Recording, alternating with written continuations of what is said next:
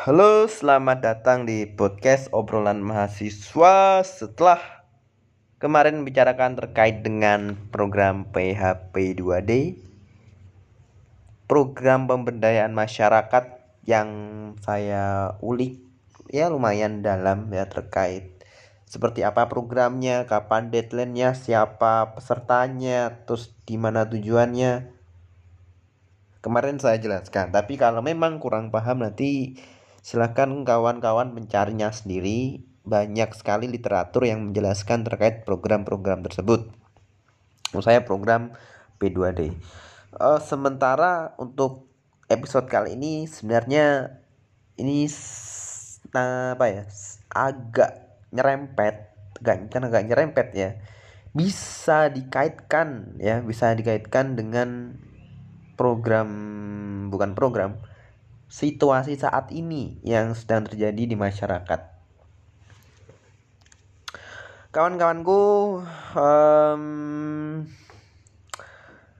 lebih tepatnya pada hari ini saya akan membahas terkait dengan film yang saat ini lagi hangat dan digunakan sebagai salah satu film untuk nonton bareng di sejumlah daerah um, salah satunya yang akan saya selenggarakan sendiri kawan-kawan yaitu film Kinipan jadi film Kinipan ini men film dokumenter yang digarap oleh Watchdog. Mungkin kawan-kawan juga sudah tahu. Terus juga ada Global Film yang ikut menggarap film ini. Film ini mengisahkan tentang um, pandemi COVID-19, terus juga Omnibus Law, dan tak lupa terkait dengan uh, apa itu lumbung pangan, food atau food estate kalau dibahasakannya dalam film. Kenapa film ini sangat ramai kawan-kawanku? Uh, pernah mungkin bagi yang pernah melihat film Sexy Killer Dulu pernah ada kan film Sexy Killer sebelum adanya diselenggarakannya Pilpres. Kok Pilpres apa? Sebelum dia ya Pilpres 2019 itu sempat diselenggarakan bukan diselenggarakan sempat ada film yang mencuat dan itu ramai film Sexy Killer lah film apa kini pak itu mirip dengan film Sexy Killer yang membedah terkait dengan pandemi terkait dengan food estate dan juga terkait dengan uh, omnibus law. Kalau film Sexy Killer dulu kan membedah terkait uh, kepemilikan tambang ya. Yang lebih jelas itu adalah di daerah Kalimantan Timur kepemilikan tambang yang dimiliki oleh orang-orang yang waktu itu punya kaitan pada kontes selektasi ya seperti itulah. Jadi adanya film seksi killer itu dahulu. Kalau sekarang film kinipan. Itu saya yakin ramai dan uh, adanya nobar ini kan bisa memperlihatkan kepada masyarakat luas bahwa seperti ini loh keadaan Indonesia saat ini. Negara yang kamu huni negara tempat kamu tinggal itu keadaannya seperti ini uh, lebih jelasnya mungkin teman-teman bisa melihat sendiri filmnya ya. Nanti silahkan mengajukan ke pihak Watchdog ya. Ada tata caranya kok melihat apa untuk melihat filmnya bagaimana. Tapi tenang saja saya sedikit saja ya mengulik terkait film tersebut. Yang sebenarnya bagi saya pribadi setelah melihat selama hampir dua setengah jam ya lumayan melelahkan memang ketika melihat film tersebut dengan durasi yang lumayan panjang yaitu hampir dua setengah jam. Um, di situ kan menceritakan ya awal-awalnya sebenarnya itu kan menceritakan tentang hutan-hutan um, yang ada di daerah Kalimantan dan juga daerah Sumatera yang diceritakan dalam film itu mulai ditebangi, mulai dialih fungsikan sebagai lahan perkebunan dari hutan menjadi perkebunan. Selain itu juga dialihfungsikan untuk um, lahan apa industri. Jadi untuk industri. Sehingga banyak sekali flora dan fauna yang akhirnya kehilangan tempat tinggal. Kalau di film seperti itu, jadi kehilangan tempat tinggal. Sehingga hewan-hewan, binatang-binatang itu berpindah habitatnya yang semula berhabitat di hutan akhirnya beberapa masuk ke dalam pemukiman penduduk. Masuk ke dalam pemukiman penduduk dan makan ternak-ternak dari penduduk. Jadi semula hewan yang memakan mangsa di dalam hutan ah karena habitatnya hilang ditebangi dialihfungsikan lahannya akhirnya kesulitan makan mereka mencari makan ke pemukiman penduduk. Yang dimakan adalah hewan-hewan peliharaan penduduk. Akibatnya karena hewan tersebut makan peliharaan dari penduduk, hewan tersebut, hewan yang akhir yang tadinya di hutan itu banyak bukan banyak, mati. Jadi mati karena ter, terserang adanya pita, cacing pita. Itu. Kenapa demik hal demikian itu bisa terjadi kawan-kawan? Karena ini berdasarkan film yang saya tonton ya, film Kinipan. Hewan yang dipelihara penduduk itu mengandung bakteri ya, banyak sekali yang mengandung bakteri. Kita tahu virus-virus itu kan banyak sekali ya, antraks ya, mungkin antraks pada sapi, terus juga flu burung pada ayam, Terus juga banyak sekali penyakit-penyakit lain yang menyerang hewan, hewan peliharaan terutama. Akhirnya karena si hewan tersebut diceritakan dalam film harimau makan hewan peliharaan dari penduduk, akhirnya karena yang dimakan kandungannya itu ya tidak sehat bagi hewan akhirnya mati. Itu. Fenomena kan terjadi. Akhirnya banyak sekali hewan-hewan yang terserang virus terserang virus. Jadi ada hubungannya waktu itu penebangan hutan, beri peralihan tempat habitat binatang dari hutan ke yang mencari makan ke, pen, ke pemukiman penduduk itu juga ada ada hubungannya. Seperti itu kawan-kawan. Dan yang menjadi poin penting adalah um, kita mengetahui ya dahulu ada virus flu burung terus juga ada virus apa lagi dulu MERS. Dan juga yang terbaru lah virus COVID-19 nah yang menjadi poin penting virus tersebut kan sebenarnya yang diserang adalah hewan. Yang diserang adalah hewan dan menyerang manusia. Itu yang menjadi poin penting. Sehingga virus yang terjadi pada manusia itu tidak hanya tertularkan sesama manusia, tetapi juga melalui perantara hewan. Seperti contoh-contoh tadi. Artinya um, adanya penebangan hutan yang dimaksud dalam film itu juga mempengaruhi adanya virus-virus yang menyerang manusia. Nah, itu kan akhirnya virus COVID-19 nanti juga dipengaruhi hal seperti ini karena pola hidup dari hewan yang sudah tidak sehat seperti dahulu lagi itu menyebabkan itu menyebabkan hewan-hewan makan makanan yang sebetulnya tidak menyehatkan, tidak baik sehingga um, itu tadi terserang. Hewan terserang terus juga menyerang manusia juga seperti itu. Inilah salah satu dampak yang disebabkan. Kawan-kawanku, hmm, adanya virus COVID-19 membuktikan bahwa virus yang tertularkan oleh hewan itu ganasnya luar biasa gitu kan? Kita melihat berapa juta masyarakat dunia yang sudah tewas yang su pernah terpapar dan juga pernah dan bukan pernah sudah meninggal karena virus ini. Dan kembali lagi ini semua disebabkan oleh ulah manusia manusia menebang hutan ah, kemudian hutan jadi gundul hewan-hewan kehilangan habitat kemudian mencari mangsa ke pemukiman penduduk dan hewan yang pelihara penduduk sudah tidak sehat ketika dimakan oleh mangsa yang berasal dari hutan. Akhirnya hewan tersebut mati.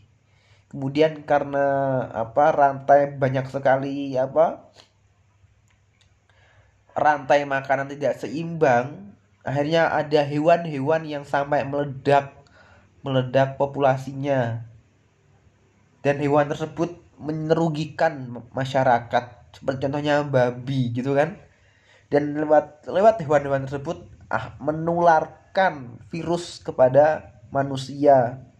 Dan ketika manusia tertularkan manusia menjadi mati terpapar. Seperti itu itu ya kawan-kawanku. Jadi itu ada apa ya efek domino adanya kebakaran adanya alih fungsi hutan yang melalui dibakar ditebang menjadi perkebunan menjadi industri seperti itu.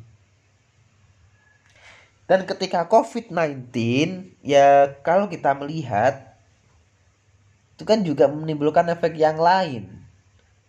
Adanya refocusing anggaran yang seharusnya digunakan untuk pembenahan infrastruktur pendidikan terus juga ekonomi masyarakat juga melemah karena adanya pandemi covid sehingga aktivitas warga negara yang seharusnya normal menjadi tidak normal. Gitu kawan-kawan. Terus adanya omnibus law ini juga dikaitkan adanya kepentingan di dalam film ya. Kembali saya menceritakan uh, alur filmnya itu menggambarkan dijelaskan ada beberapa pejabat eksekutif yang ada di istana yang ikut bukan ikut mem yang mempunyai perusahaan yang menduduki jajaran atasan sejumlah perusahaan. Di situ disebutkan Presiden Jokowi, terus juga Luhut Bin Sarpanjaitan, terus Sandiaga Uno, Muhammad Lutfi, terus terus juga Anissa Tanusudipyo, terus juga ada lagi Prabowo Subianto. Itu disebutkan mempunyai perusahaan dan juga menduduki jabatan atas perusahaan. Dan juga ada Erick Thohir juga di situ disebutkan. Jadi kan ini kalau dipikirkan dan omnibus lo ya, omnibus lo kan kalau mungkin perkawan-kawan dahulu juga ikut demo, omnibus law disebut sebagai undang-undang sapu jagat yang artinya satu undang-undang mempunyai banyak makna, banyak tafsir di situ, ditafsirkan banyak. Salah satunya perusahaan diperbolehkan melakukan penebangan hutan yang digunakan untuk ketahanan pangan ya untuk lumbung pangan itu jadi dibolehkan jadi kalau kita berangan-angan apakah ada kaitannya orang-orang yang duduk di jajaran eksekutif tersebut dengan apa proyek om proyek pembukaan lahan terus juga adanya pembuatan omnibus law apakah ada kaitan? Ya silahkan kawan-kawan pikir sendiri gitu ya. Silahkan kawan-kawan pikirkan sendiri. Terus kemudian setelah itu tadi omnibus law uh, adanya di, dibahas dalam film adanya proyek lumbung pangan yang dicanangkan oleh Presiden Jokowi proyek lumbung pangan tersebut digunakan Presiden Jokowi sebagai dasar untuk memenuhi kebutuhan pangan dalam negeri. Hanya proyek-proyek yang gagal dahulu diteruskan. Di dalam film dijelaskan ada dulu ada proyek food estate ya. Nama lain dari proyek lumbung pangan adalah food estate yang dibangun oleh Soeharto pada medio 90-an dengan cara menebang hutan waktu itu. Jokowi mencoba melanjutkan proyek tersebut. Dan kemarin juga sempat ya di media kan juga diberitakan bahwa proyek lumbung pangan ini dipimpin secara langsung oleh Menteri Pertahanan kita Bapak Prabowo Subianto. Prabowo melibatkan banyak aparat waktu itu. Ya kemarin ya, kemarin belum lama.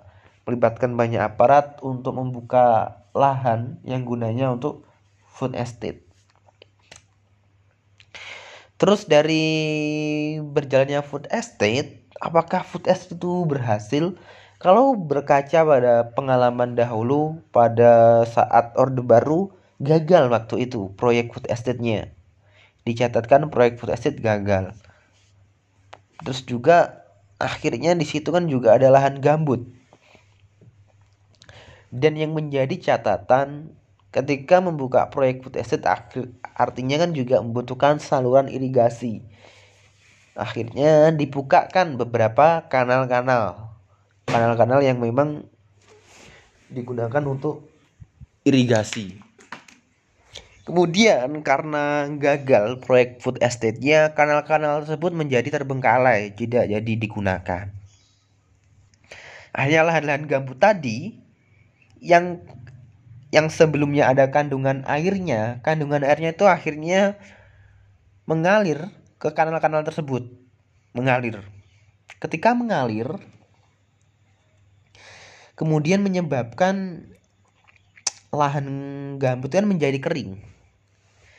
Ketika lahan gambut itu menjadi kering ini kan menjadi ibarat kata sebuah ranting kering yang ditumpuk mudah terbakar.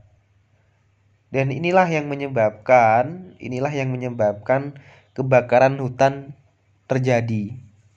Ini menjadi catatan bahwa oh sebenarnya kebakaran hutan tuh yang ada di Kalimantan di di Sumatera ataupun daerah lainnya juga disebabkan adanya lahan gambut seperti ini. Lahan gambut yang kering mudah terbakar. Efeknya ya sama seperti yang depan, menimbulkan efek domino. Harus membutuhkan pemadaman dengan biaya ekstra, terus juga menyebabkan polusi. Itulah yang disebabkan karena um, lahan gambut tersebut.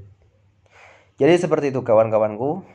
Uh, ada rangkaian ternyata kalau kita melihat ya dalam film itu ada rangkaian penebangan hutan berpengaruh pada uh, COVID. Terus juga ada omnibus law yang dikaitkan dengan pembukaan lahan.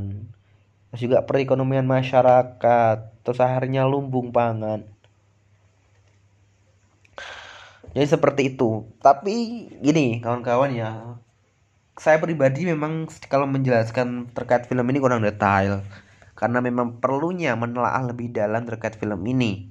Saya melihatnya pun juga uh, sebenarnya juga membutuhkan teman berdiskusi karena durasinya film sangat panjang dua setengah jam ya film Genipan itu dan juga membutuhkan perhatian ekstra. Ya jelas ekstra karena ada beberapa bagian yang uh, mungkin bagi kawan-kawan masih belum paham ataupun juga perlu perhatian perhatian lebih agar dapat memahami dengan baik dan maksimal seperti itu. Saya kira untuk episode ke 96 ya, 96 berkaitan dengan film Kinipan yang setiap harinya dilakukan nobar serentak di banyak daerah.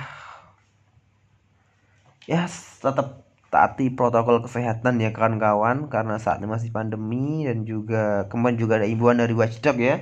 Bagi kawan-kawan yang tahu untuk menggalang donasi bagi sahabat-sahabat kawan-kawan kita yang ada di Nusa Tenggara Timur dan Nusa Tenggara Barat. Oke kawan-kawanku seperti ini untuk episode kali ini terkait dengan film Kinipan sampai jumpa di episode berikutnya. See you. Bye bye.